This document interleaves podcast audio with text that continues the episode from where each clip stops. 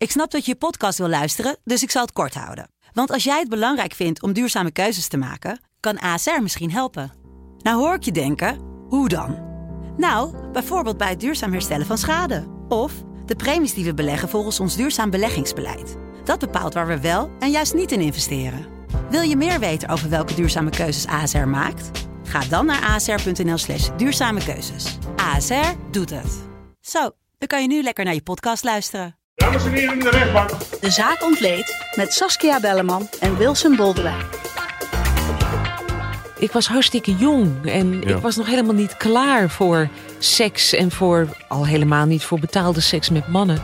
Een podcast van De Telegraaf. Zij zegt, ik, ik wilde het niet, maar ik had geen keus. En op een gegeven moment raak je er min of meer aan gewend. Saskia, welkom. Dankjewel. Ons vak is hollen of stilstaan. Ja. We hadden ontwikkelingen in de gifmoordzaak. De zaak die we vorige aflevering uitgebreid hebben besproken. Toen kwam de uitspraak van de Hoge Raad in de zaak Nicky Verstappen. En woensdag was daar opeens het nieuws over Marco Borsato. Die vervolgd gaat worden. Eh, eindelijk eh, zou je mogen zeggen, ook voor hem, dat daar duidelijkheid over komt. Verder gaan we vandaag de zaak Marlon F. behandelen. Een 39-jarige man uit Edam-Volendam. Die samen met twee andere mannen terecht staat. voor het uitbuiten van twee minderjarige meisjes als prostituee. En het bijzondere hiervan is dat één van de slachtoffers zelf ook in de verdachtebank zat. We gaan beginnen. Vol programma. Ja, Ja. Yvonne K. Dat is eh, de dame die beschuldigd wordt van het vermoorden van haar vriend, haar partner. Chris Grimwis, die ehm, heeft zichzelf van het leven beroofd. Ja. Terwijl de eis van 19 jaar eh, al, al stond. Die zou woensdag ja, afgelopen woensdag zou eh, de uitspraak worden gedaan door de Ja. rechtbank. En eh, twee dagen daarvoor, op maandagmorgen, blijkt zij zelfmoord te hebben gepleegd. Dus ja, dat was een, een bizarre ontwikkeling in een zaak die evengoed al zo bizar was. Yvonne K. werd ervan verdacht eh, haar partner met pentobarbital in, in de roomyoghurt te hebben vergiftigd. Zij heeft altijd haar onschuld volgehouden, maar volgens het Openbaar Ministerie heeft ze het gedaan eh, omdat eh, zij uit was op de erfenis. En vlak voor zijn overlijden had hij ten gunste van Yvonne K. dat testament gewijzigd. Dat eh, zou een motief kunnen zijn. Ehm, uit allerlei chats bleek dat Yvonne K. bang was dat Chris Grimwis zijn testament wederom zou wijzigen, maar dan in haar nadeel. En volgens het Openbaar Ministerie zou dat de reden zijn waarom hij moest overlijden. En nu zullen we het nooit meer weten, want ja, als een verdachte overlijdt, dan stopt de strafzaak. Gek eigenlijk, hè? Nou, eigenlijk ook niet. Want Nee? ja, je kunt natuurlijk wel ehm, een vonnis uitspreken over een verdachte eh, die overleden is. Maar wat heeft dat voor zin? Er is ook geen hoger beroep meer mogelijk. Kijk, je zou kunnen zeggen, en zo zien, zien de nabestaanden dat natuurlijk ook. Wij willen duidelijkheid over de vraag wat de rechtbank nou precies vindt van eh, de schuld of onschuld van die verdachte. Ja. Maar de rechtbank zei ja, de wet is wat dat betreft helder. Die zegt gewoon dat het stopt, dat het Openbaar Ministerie niet ontvankelijk wordt verklaard. Want je kunt nou eenmaal een dode verdachte niet vervolgen, niet berechten en niet veroordelen. En daar houdt het dan mee op. En we kunnen als rechtbank wel zeggen van we zouden haar hebben veroordeeld of we zouden haar niet hebben veroordeeld. Maar dat zou alleen maar meer vragen oproepen. Ja, en tegelijkertijd, en ik zeg nog heel even tussendoor voor de mensen die deze, de ins en outs van deze zaak willen horen, die moeten even de vorige aflevering eh, luisteren. Dan komt er wat meer duidelijkheid over. Dan ga ik door met mijn vraag. Er ligt een erfeniskwestie. Ja. Yvonne K. heeft eh, de bezittingen van Chris Grimwis, we hebben natuurlijk zelf het testament niet gezien, maar op haar naam staan. En de dochter van Yvonne K. is op papier, dat weten we eigenlijk overigens ook niet. Per, Nee, want we haar weten testament hebben we niet gezien, we weten heel weinig. Ja. Maar zou dan in theorie de erfgenaam zijn. Ja. Als zij schuldig was bevonden, heeft ze een succesvol een moord gepleegd. Ja. Nou, je kan bijna zeggen dat het dan een roofmoord was. En de roof is geslaagd, postuum. Ja, als ze schuldig zou zijn bevonden. Maar ja, dat weten we dus Nee. niet. Hè? We weten niet hoe de rechtbank zou hebben geoordeeld. Dat krijgen we ook nooit meer eh, Nee. te horen. Maar voor een maar eventuele is- civiele is- procedure. Was het belangrijk Ja, geweest? Ja, want, want de ja, nabestaanden van, van Chris Grimmers, die willen dan de erfenis altijd niet aanvechten. Ik, ik ben nu aan het, want we weten Ja, het niet. Hè? Dat, nee, we dat- weten die- het niet. Dat zijn de condities waaronder we dit bespreken. Nee, kijk, voor de erfeniskwestie zou het van belang zijn geweest om te weten of zij schuldig was. Want op het moment dat zij schuldig zou zijn bevonden, is ze, zoals dat heet, een onwaardig erfgenaam. En dan zou ze gewoon niet kunnen erven van haar partner. Nou, dat is niet uitgesproken, dus zij is geen onwaardige erfgenaam. En dat zou dus kunnen betekenen dat al haar bezittingen en dus ook die erfenis in de richting van haar dochter gaan. ja. We weten het niet, hè, want we weten niet of er nog allerlei clausules in, die, in dat testament hebben gestaan. Ehm, er is ook een afscheidsbrief door Yvonne K. achtergelaten, waarvan we niet weten wat erin staat. En de vraag is of we dat ooit zullen weten. Dus ja, het is gissen hoe het zit. Voor een, een uitspraak over die erfeniskwestie zou het wel belangrijk zijn geweest om te weten wat de strafrechter zou hebben besloten. Ja. Alleen ja, de strafrechter eh, zegt van sorry, wij gaan niet over die erfeniskwestie. Voor de strafzaak is dat niet van belang. Daar gaat het alleen maar over de vraag: heeft ze het gedaan of heeft ze het niet gedaan? En op die vraag komt gewoon geen antwoord meer. En dat is lastig en vervelend voor die erfeniskwestie. Maar dat is niet het pakje aan meer van een strafrechter. Nee, het enige, het enige dat ik wel zou willen weten als ik eh nabestaande van hem was en ik zou naar de rechter moeten stappen vanwege die erfenis, zou ik wel willen weten wat er in die afscheidsbrief stond. Want daar staat misschien een aanwijzing in. Ja, maar ik weet niet zeker of een civiele rechter kan zeggen: ik wil weten wat er in die afscheidsbrief stond. Kijk, die ligt nu bij de politie, die wordt onderzocht. Ja. Zelfs dat moet je onderzoeken of het geen moord is geweest natuurlijk. Exact. En, Ja. en we weten dus niet eh, of die brief gericht was aan haar dochter of aan justitie of aan de politie of wat dan ook. We weten eigenlijk gewoon helemaal niets over die afscheidbrief. Maar ik zou me kunnen voorstellen dat die vervolgens naar de dochter gaat. En dan is het aan de dochter om te beslissen of ze wil onthullen wat daarin stond. Ik denk dat we hier nog wat nodig van eh, gaan horen. Er zijn ook ontwikkelingen in de zaak Nicky Verstappen. Eh, Jos B. is na zijn hoge beroep naar de Hoge Raad gegaan. Maar die heeft geoordeeld dat de veroordeling stand houdt bij de Hoge Raad. Eh, nu is natuurlijk de volgende stap is naar Europa.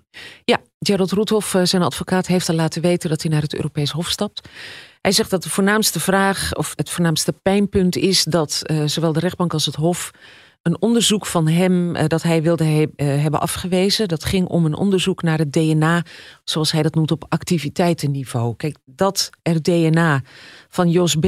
op en in de onderbroek van Nicky Verstappen, het 11-jarige jongetje, eh, is gevonden, dat staat buiten kijf. Dat ontkent hij ook niet.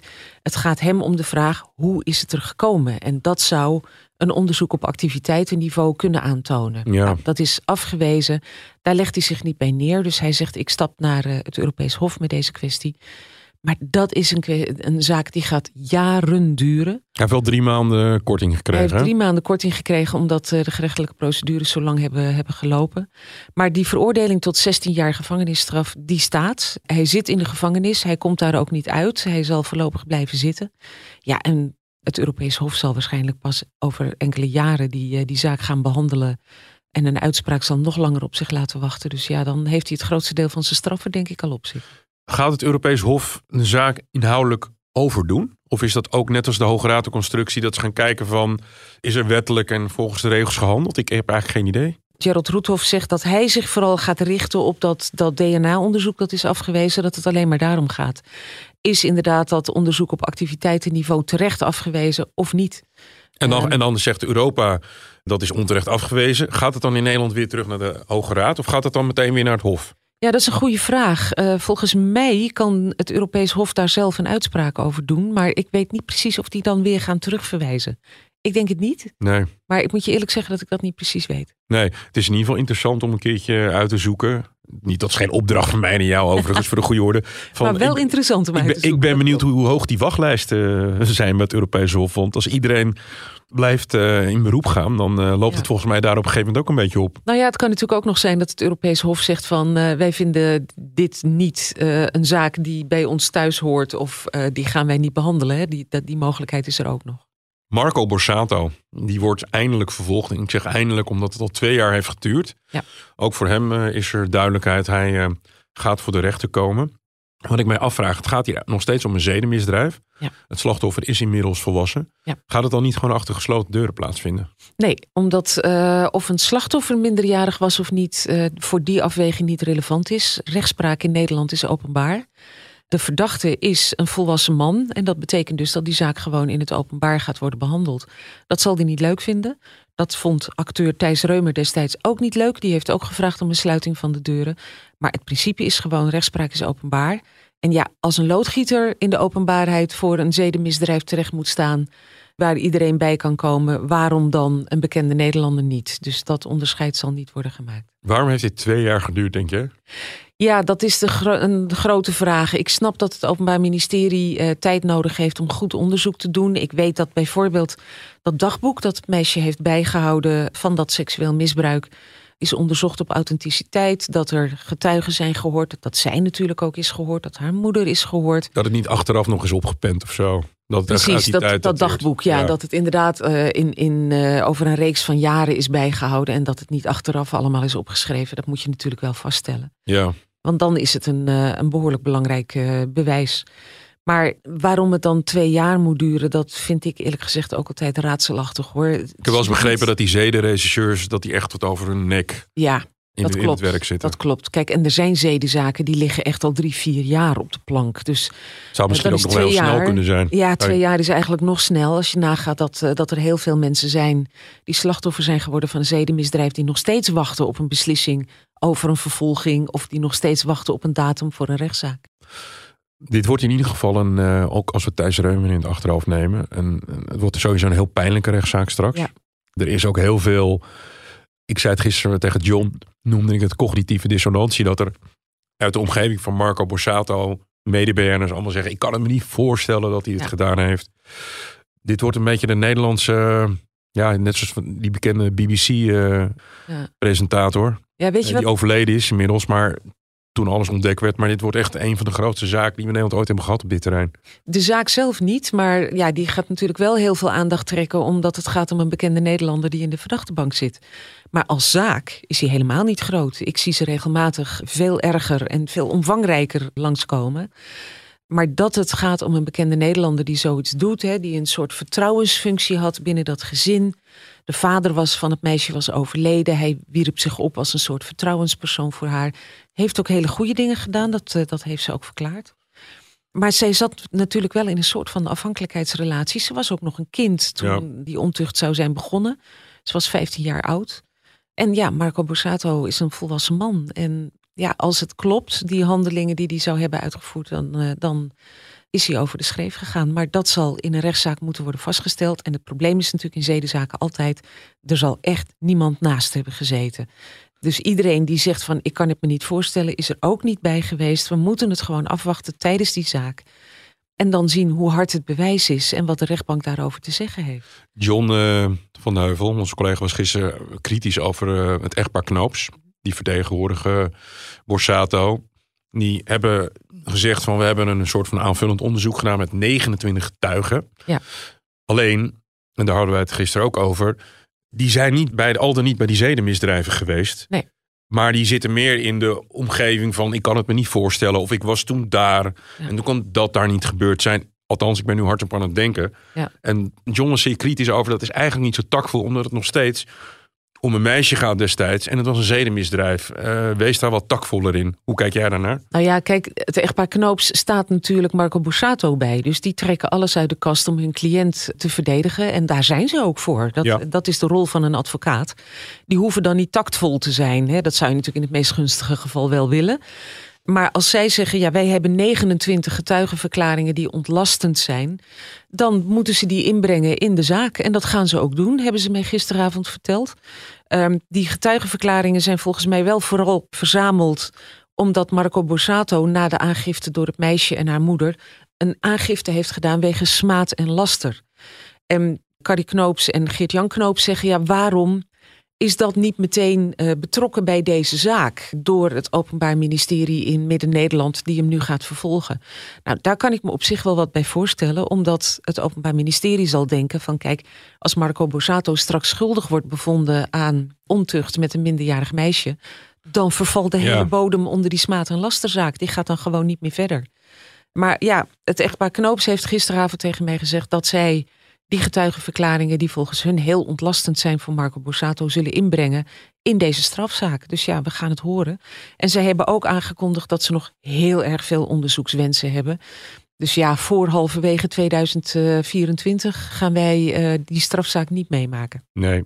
Overigens, ik kwam nog even op de naam van die BBC-presentator. dus Jimmy Savile. Dat was een Oh hele grote Britse zaak. Ja. Dat heeft hier niet verder niks mee te maken. Dat zijn ook hele andersoortige delicten. Maar als tipje, daar, staat iets over op Netflix. Ja. Dat was een... eh, ja, dat was inderdaad een omvangrijke zaak, omdat Ja. het zou gaan om heel veel slachtoffers. En in dit geval gaat het maar om één slachtoffer. Precies. En deze zaak staat los van The Voice of Holland. Want daar is al eerder besloten dat er geen vervolging wordt ingesteld tegen Marco Borsato, omdat er gewoon te weinig bewijs is. Behalve Ali B en eh, Jeroen Rietbergen, die worden wel Ja, dat is een ander verhaal. Dat is een ander verhaal. En eh, daar moeten ook dus inhoudelijke zaken nog van gaan komen. En die gaat er dus ook komen van Marco Borsato. Zeer waarschijnlijk ergens in 2024. Ja. En dat gaat ongetwijfeld een heel groot proces worden als het gaat om de energie en de omvang en de belangstelling die daar eh, vanuit gaan. Dan gaan we naar de zaak van vandaag. Die gaat over verdachte Marlon F. Die komt uit Edam, Volendam. En die wordt beschuldigd van het exploiteren van een aantal minderjarige meisjes. Saskia, wanneer speelde deze zaak zich af? Ja, dat is best al een tijd geleden. De meisjes waren 14 toen het misbruik begon. De een is nu 18 en de ander is nu 23. Met die 23-jarige is het allemaal begonnen. Dus dan weet je ongeveer wanneer dat was. Meisje dat eh, ook nu in de verdachtebank zit, dat nu 23 is, eh, Sarah S., is zelf op haar 14e in contact gekomen met Marlon F. Is, zegt zij, meteen eigenlijk eh, onderworpen aan vrede seks door hem. Zij was natuurlijk heel jong, kwam uit een kwetsbare situatie. Ehm, dat maak ik vaker mee tijdens zaken. Makkelijke slachtoffers om, eh, om te intimideren en te bedreigen. Zij moest doen wat hij zei. Anders zou haar ouders eh, wat worden aangedaan. En zij was daar bang voor. En ehm, heeft zich in die, in die fuik laten trekken. En zij is op een gegeven moment ook gedwongen om tegen betaling seks te hebben met, met klanten. Ja, Waarom zat zij nou in de verdachtebank? Omdat eh, zij op een gegeven moment ook een minderjarig meisje meenam naar seksafspraken. En ja, dat wordt ook door het Openbaar Ministerie gezien als seksuele uitbuiting. Terwijl zij zelf zei in de rechtbank van, ja maar ik had geen keus. Ik werd gedwongen door Marlon F. Ik moest dat doen. En als ik het niet zou doen, dan bedreigde hij me weer. Dus ja, daar zit iemand in de verdachtebank die toch eigenlijk vooral een slachtoffer is. ja. Het is eh, dader en slachtoffer eh, in één althans. Ja. Dat is nu dan eh verdenking moeten zien wat de rechter daarvan overlaat. Het eerste meisje was dus, zeg maar, hè, waar ik het nu net over heb, dader slachtoffer, is Sarah S. Zij had het thuis heel moeilijk, hè? Ja, Ja, en zij, voor beide meisjes hoor. Die zaten in een moeilijke situatie. De zaak is ook eigenlijk aan het rollen gekomen via het jongste slachtoffer dat nu 18 is. ja, Eh, zij zit in een hulpverleningsinstelling en in die hulpverleningsinstelling werd op een gegeven moment duidelijk wat zich zou hebben afgespeeld. En die hebben bij de politie en bij justitie aan de bel getrokken. En de officier van justitie zei ook van ja, als die hulpverleners niet aan de bel hadden getrokken, dan hadden deze verdachten hier nooit gezeten. Dus hoera voor deze hulpverleningsinstelling, want hoe vaak maken we niet mee dat misdrijven niet aan het licht komen, omdat wel bekend is bij de hulpverlening wat er aan de hand is, maar die signalen komen nooit bij justitie terecht. nee, dat is dus hoe de zaak aan het rollen is gekomen. Sarah S. die kwam in contact met, met Marlon F. toen zij 14 was. Ja, ze is nu 23, dus eh, we gaan eh, negen jaar terug in de tijd. Ja. In eerste instantie was het gewoon een relatie, zeg maar. Want Marlon F. is nu 39, die was toen een dertiger, zeg maar, even voor het gemak. In eerste instantie was er gewoon sprake van een relatie, maar daar kwam al snel veel seks bij en ook Ja. en drugs, hè? Ja, het oudste slachtoffer, Sarah en Marlon F. hebben elkaar leren kennen op een, een feestje van een, een vriendin van Marlon F. Waar eh, Sarah tijdelijk in huis woonde, omdat zij op dat moment niet thuis kon blijven. Dat geeft al iets aan hè, over de kwetsbaarheid van zo'n slachtoffer. Eh, kon niet thuis zijn om allerlei redenen. Ze kwam bij die vriendin in huis, leerde daar Marlon F. kennen. Ja, en je kunt zeggen, daar ontwikkelde zich een relatie, maar dat zie ik toch een tikje anders. Hè? We hebben te maken met een volwassen vent Ja. en een meisje van 14. In hoeverre kun je dan spreken van een relatie? Niet eigenlijk. Nee, eigenlijk niet. Nee. En zij zegt ook van er was geen sprake van een relatie. Ik was ook nooit verliefd op Marlon F. Maar hij heeft mij op een gegeven moment toch eh, gedwongen tot wat zij noemde vredeseks. Maar in eerste instantie was het dus, eh, hè, eh, zei hij dat typische loverboy praktijken. Ik hou van jou en Ja. je bent mijn schatje.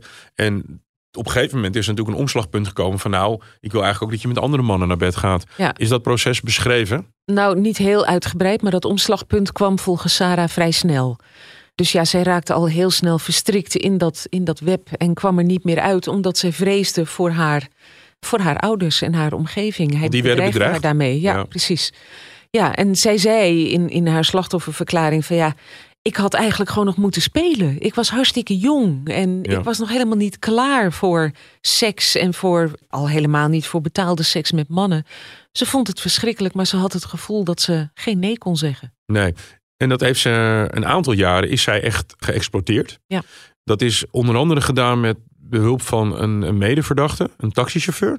Ja, die taxichauffeur ehm, die Sarah eigenlijk wel heel erg de hand boven het hoofd houdt, omdat zij de man heel graag mag. En ja, zij zegt hij, hij bracht ons naar seksafspraken. Niet altijd hoor, want soms deed Marlon even het zelf. En dan ging hij op de parkeerplaats van een hotel bijvoorbeeld zitten wachten.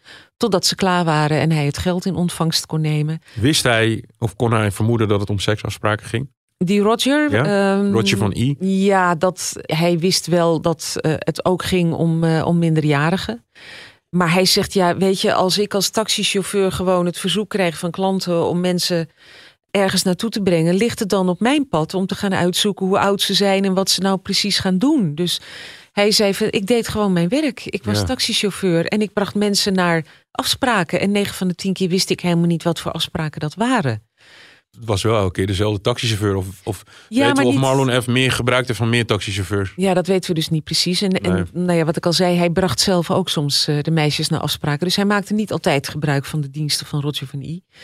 Ja, en er zat ook nog een klant in de verdachte bank, Alexander C. Ja. Nu een vijftiger, eh, toen ietsje jonger, die eh, op een gegeven moment in een hotel in Breukelen een, eh, een afspraak had met Sarah. En ja, zij raakte aan de praat over het feit dat hij het misschien wel prettig vond om ook een keer een triootje te hebben. Ja. En toen is het minderjarige meisje, het jongste slachtoffer, in beeld gekomen. Die werd meegenomen door Sarah. Dat is dus wat haar wordt aangevreven door het Openbaar Ministerie. Dat ze zich ook schuldig heeft gemaakt aan seksuele uitbuiting van een ander minderjarig Ja. meisje. Want ik wil, ik wil heel even terug, Saskia. Want Ja. wanneer is het andere slachtoffer, die is nu 18. Ja. Die is eh, ook anoniem. Ja. Wel in de rechtbank aanwezig geweest. Ja, nee. Niet. Zij was niet in de rechtbank aanwezig, haar advocaat wel. En Ja. ook een, een begeleidster, een eh, begeleidster in, in de hulpverleningsinstelling. Die Ja. zijn er wel eh, geweest. Die hebben ook het een en ander verteld. Eh, ja, niet al te veel om haar privacy te beschermen. Maar haar naam is wel genoemd tijdens de zaak. Hoe heeft Marlon F. haar erbij, zeg maar, ik zeg het even oneerbiedig, maar haar erbij gekregen in zijn exploitatie? Is dat via Sarah gegaan? Is er, Nee, is niet via Sarah gegaan, dat is op een andere manier gegaan. Sarah leerde het meisje kennen via Marlon F. Eh, Ah. Die heeft haar geïntroduceerd bij Sarah.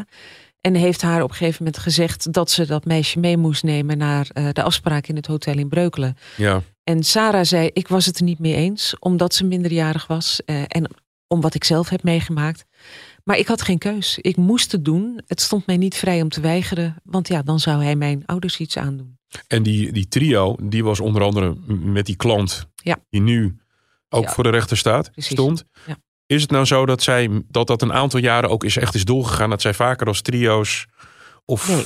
Er is eigenlijk vooral dat ene incident met die Alexander C. in een hotel in Breukelen besproken. Ja. Daar waren eh, beide vrouwen bij. Het ene meisje moet ik eigenlijk zeggen. Ja. En daarvan zei die Alexander C. van ja, daar is eigenlijk niet zoveel gebeurd. Ik zat met Sarah in het bubbelbad en eh, eh, zij heeft op de, dat jonge meisje heeft op de rand van dat bubbelbad gezeten. Hield haar lingerie aan. Ja, ik heb haar een beetje gestreeld, maar dat was het. Nou, volgens Sarah ging het wat verder. Heeft het jonge meisje hem op een gegeven moment ook moeten pijpen. Zij zegt van ja, ik, ik zag dat ze het vies vond. En ik heb het toen van haar overgenomen. Omdat ik het natuurlijk wat meer gewend was. En ik wilde haar toch een beetje in bescherming nemen. Ja. Hè, Sarah is dus een tijdje geëxploiteerd. Het 18-jarige onbekende meisje Ja. is ook dus echt een aantal jaren geëxploiteerd als Ja. 14-jarige. Ja. Die klant, die Alexander C., wist hij dat ehm, Sarah was op dat moment al niet meer minderjarig, zeg ik even uit mijn hoofd. Maar was, wist hij dat dat meisje minderjarig was? Hij zegt van niet. Hij zegt dat hij eh, te horen kreeg dat zij 23 was. Nou zit er nogal een gat hè, tussen een meisje dat minderjarig is... en misschien op dat moment 15, 16 jaar was... en 23. Ik weet dat eh, jonge meisjes kunnen er soms heel rijp en, en al volwassen uitzien. Ja, Hij zegt achteraf nu zelf, ik had moeten vragen aan haarzelf hè, hoe oud ze was. En ik, ik had me daarvan moeten vergewissen. De officier van justitie zei toen van, je had moeten vragen hoe het met haar ging. Want het was gewoon overduidelijk dat ze zich niet op haar gemak voelde. Dat ze niet gewend was aan, aan dit soort situaties. Ja, en dat heeft hij dus niet gedaan. En dat wordt hem nu aangevreven. is het bij één keer gebleven met hem? Alleen dat ene incident is besproken. Dus Ja. ja. ik denk dat het met hem bij eh, die ene keer is gebleven. Maar Ja. ja, er waren natuurlijk meer seksafspraken. Wat weten we over de verdiensten? Want eh, Sarah heeft dus eh, jaren voor Marlon F. gewerkt. Ja. Dat andere meisje is erbij gekomen. Weten we hoeveel Marlon F. verdiend heeft aan die, aan het exploiteren van die meisjes. Nee, dat is niet helemaal duidelijk, maar dat moet echt zijn gegaan om enorme bedragen. Um, Sarah vertelde dat ze iedere dag betaalde seks moest hebben met klanten. En ook het jonge meisje moest gewoon haar verdiensten voor een deel afstaan aan hem. Nou, er is in de rechtszaak wel een, een snelle rekensom gemaakt hè, van uh, zoveel per uur voor dat soort feiten, maar dat is een beetje natte vingerwerk. Ja. Dus dat is niet helemaal duidelijk, maar dat hij er goed aan verdiend moet hebben, ja, dat staat wel vast. Wat mij fascineert, en dat heeft ook te maken met de kwetsbaarheid van een Sarah, is dat zij op een gegeven moment toch een vrouw van, uh, nou, inmiddels was zij een jaar of 20, 21, hè, toen het uh, misging, zeg maar. Al die tijd hield Marlon F. haar in de tang met dreigementen richting haar ouders. Ja. Die dreiging die bleef genoeg om haar aan het werk te houden. Nou ja, wat zij ook vertelde, uh, was dat zij in feite iedere dag werd verkracht. En ze zegt op een gegeven moment, ja, raak je daar bijna aan gewend. Door Marlon is... F. ook nog eens. Ja, zij zegt dat ze als ze terugkwam van betaalde klanten ook nog eens naar bed moest met Marlon F. Uh, zij zegt, ik, ik wilde het niet, maar ik had geen keus. En op een gegeven moment raak je er min of meer aan gewend. Dat klinkt een beetje raar, maar je kunt je voorstellen hè, dat als je dat iedere dag gebeurt, als dat een, een soort patroon is geworden, dat je het gevoel hebt dat je je daar niet meer aan kan onttrekken en dat het ook ja, een deel van je leven is geworden. Maar wat wel is vastgesteld is dat ze een hele complexe posttraumatische stressstoornis heeft opgelopen door alles wat ze heeft meegemaakt. Ze heeft lang rondgelopen met zelfmoordgedachten omdat ze gewoon geen uitweg meer zag. Dus ja, het geeft wel aan hoe ongelooflijk zwaar beschadigd ze is geraakt. Wat voor indruk kreeg je van Sarah? Ja, ik, ik heb haar in de zaal zien zitten natuurlijk. Daar zit een hoopje ellende. Weet je wel, een meisje dat, dat jonger oogt dan haar 23. Uh, in elkaar gebogen. Ze probeerde haar gezicht een beetje te verbergen achter haar haar. Uh, ze raakte af en toe ook heel erg geëmotioneerd. Uh, ze durfde niet tegelijk terecht te staan met Marlon F. en de andere twee uh, verdachten. Dus de rechtbank had geregeld dat zij apart terecht kon staan in, op een aparte dag, zodat ze zich vrijer zou kunnen voelen om te praten. Nou, dat kostte in het begin verschrikkelijk veel moeite. Maar op een gegeven moment kwam ze wel wat los, heeft ze wat meer verteld. Heeft ze ook dingen verteld die haar eigen advocaat nog helemaal niet had gehoord. Ze heeft bijvoorbeeld, ze is vier keer in verwachting geraakt in die Vier periode. keer. Vier keer een abortus ondergaan. Ja, je kunt je wel voorstellen hoe ongelooflijk zwaar beschadigd dat meisje is geraakt. Waar dat zwangerschap van, van Marlon F., weet ze dat? Ja, dat kun je dus als Nee. je ook betaalde seks hebt met andere klanten nooit helemaal nagaan. Van Maar die seks was, was dan onveilig. Met, Ja. eh, Ja, ja, dat is ook nog eens een extra Ja. ja, verzwaring. Ze werd dan ook daartoe gedwongen, zeg maar, als het ware. Ja. ja. dat klopt. Ja, het zijn van die zaken waar je altijd ontzettend stil van wordt. Dat je echt denkt, hoe kan dat? Marlon F., wat voor indruk kreeg je van hem? Ik zie een voor zijn gozer zitten met, eh, met dreadlocks. Hij ontkende alles. Hij zei, eh, wat die vrouwen vertellen, het is allemaal larikoek. Niets van waar, allemaal onzin. In het geval van het jongste meisje eh, zei hij van ja, weet je, dat, ze was gewoon verliefd op me. Dat zegt het meisje zelf ook hoor. Zij was verliefd op, op Marlon F. Ja, ze was veertien. Ja, Dus ja, in hoeverre kun je dan spreken van een gelijkwaardige relatie? Sarah S. is nooit verliefd op me geweest, zegt ze. Maar ja, is wel op een gegeven moment afhankelijk van hem geraakt. eh, kon niet meer uit die fuik komen. En datzelfde gold voor het jongste meisje. Roger van I zegt van ja, ik was gewoon de taxichauffeur. De, de klant Alexander C. zegt ja, ik wist niet dat ze minderjarig was. Dat is een verhaal dat ik eh, eigenlijk altijd wel hoor bij klanten die, die seks hebben gehad met minderjarige meisjes. Hoe moet ik nou weten dat ze minderjarig waren? Ja, eh, wettelijk gezien zijn ze gewoon verplicht om dat te verifiëren. Seks met een minderjarige is nou eenmaal strafbaar.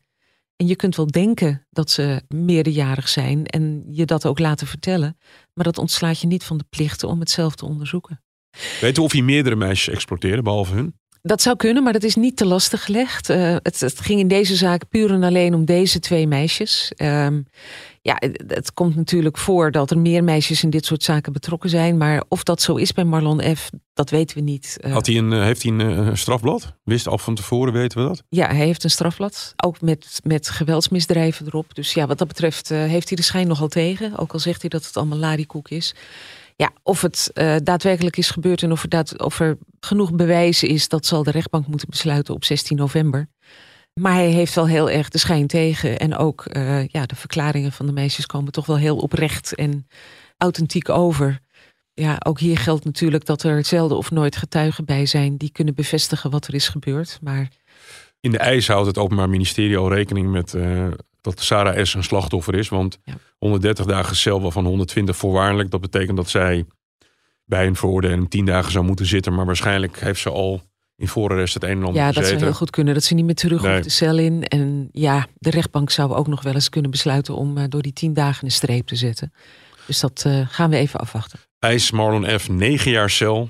Taxichauffeur Roger van die 8 maanden cel, waarvan de helft voorwaardelijk. En de klant Alexander C. een half jaar cel, waarvan eh, de helft eh, voorwaardelijk. Ja, daar was ik eerlijk gezegd nog wel een beetje verbaasd over. Omdat ik had verwacht dat de klant een hogere eis te horen zou krijgen dan de taxichauffeur. Ik vond eerlijk gezegd Roger van I, de taxichauffeur, behoorlijk oprecht overkomen. Als hij zei van, ja, weet je, ik, ik krijg klanten in mijn auto en ik, ik breng ze gewoon Ja. naar waar ze willen. En hoe moet ik nou weten wat ze gaan doen en wat er staat te gebeuren? Er was ook geen sprake van een extra beloning. Of, Nee. eh, Nee. Nee, dus dat, dat verbaasde mij een beetje. Ik had eerlijk gezegd verwacht dat de eis in de richting van de klant hoger zou zijn dan de eis tegen de taxichauffeur. Maar dat zal iets te maken hebben met eh, ja, de langere duur van de ritjes. Terwijl bij Alexander C. natuurlijk één keer seks met een minderjarige te lasten wordt gelegd. Uitspraak 16 november, eh, Saskia. Dan komen wij in de volgende podcast komen wij daar eh, uitgebreid op terug. Dankjewel. Graag gedaan. Dit was de Zaak Ontleed voor deze keer. Vindt u dit een goede podcast? Laat u dan een recensie achter, afhankelijk van het platform waarop u dit luistert. Mijn naam is Wilson Boldewijn. Tot de volgende keer. Dag.